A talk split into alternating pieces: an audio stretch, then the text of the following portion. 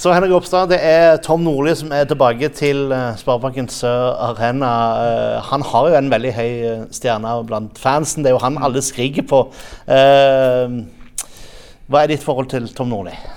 Nei, Jeg husker han jo egentlig best fra da han var her, egentlig, i 05-06, den tida der. så han hadde jo veldig suksess med det han, det han, gjorde i den perioden der, og fikk med seg et sølv, så jeg skjønner at han har en god stemning her.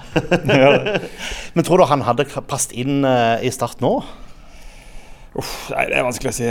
Det, Tom Nordli er jo Ja, det er mye, så det vet jeg ikke. Men eh, det han gjorde da, var veldig bra. Mm. Det er jo en stund siden, siden sist kamp. Det var jo 16. mai mot, eh, mot Jerv. Hva har du brukt de siste to, to ukene på? Nei, Vi har bare ligget og slappet av. Nei.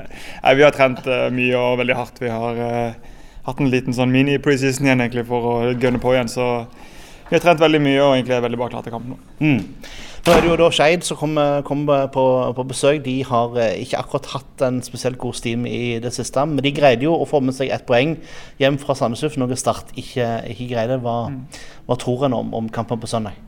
Nei, Jeg vet jo at det er mye gode enkeltspillere. De kjenner jo litt fra Grorud der inne. og de, de er mye sånn tekniske, litt futsalspillere. Så det er gode enkeltspillere, men som sagt, på hjemmebane her så skal vi ta god kontroll på dem. Og Hvordan skal en sørge for at poengene blir igjen her på søndag? Nei, det blir alle mann i angrep og mye mål. Fotballekstra